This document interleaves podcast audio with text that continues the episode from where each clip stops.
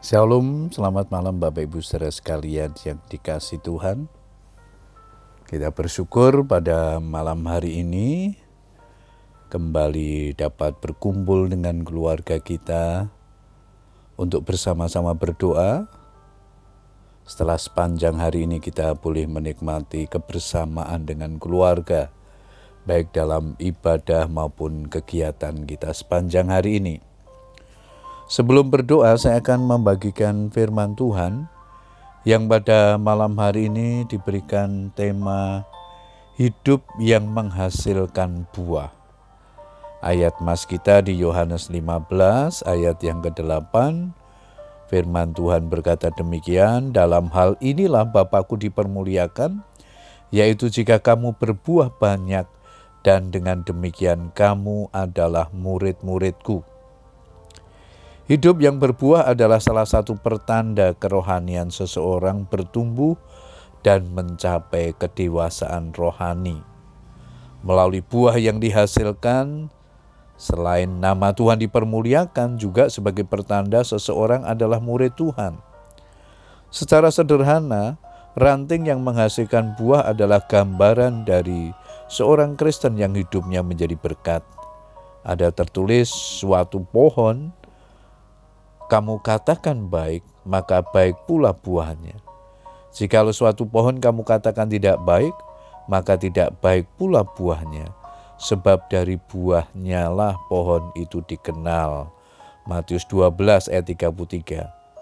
Untuk mengenal pohon dan jenisnya, bukan dilihat dari batang, daun, atau dahan, melainkan dari buahnya. Prinsip penting yang harus dipahami adalah Suatu tanaman tak akan mungkin berbuah dalam waktu singkat, tetapi butuh proses yang relatif panjang tergantung pohon dan jenis tanamannya.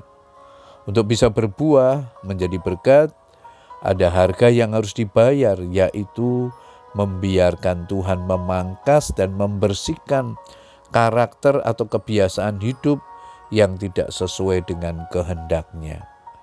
Ranting yang dibersihkan justru memberikan kesempatan bagi pohon untuk menghasilkan bahan makanan yang cukup yang kemudian disalurkan ke batang dan akhirnya kepada buah.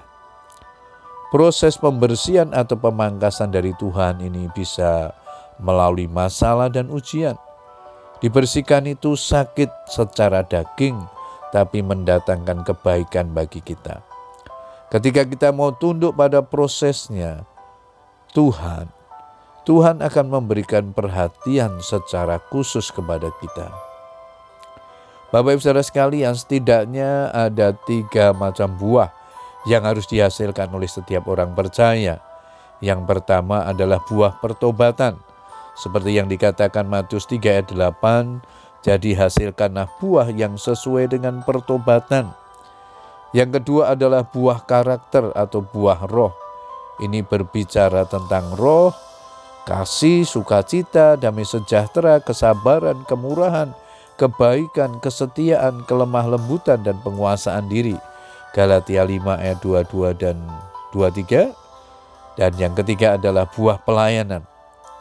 Ketika kita hidup menjadi kesaksian yang baik, baik di dalam pelayanan di gereja maupun pelayanan atau kesaksian hidup kita di masyarakat. Kita akan dipakai Tuhan untuk memenangkan jiwa bagi Tuhan.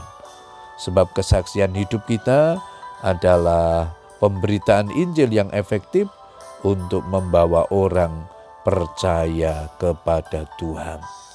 Puji Tuhan, Bapak Ibu Saudara sekalian, malam hari ini firman Tuhan mengingatkan kepada kita Tugas tanggung jawab kita sebagai orang percaya untuk menghasilkan buah-buah bagi kemuliaan nama Tuhan.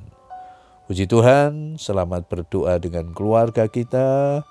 Tuhan Yesus berkati kita semua. Amin.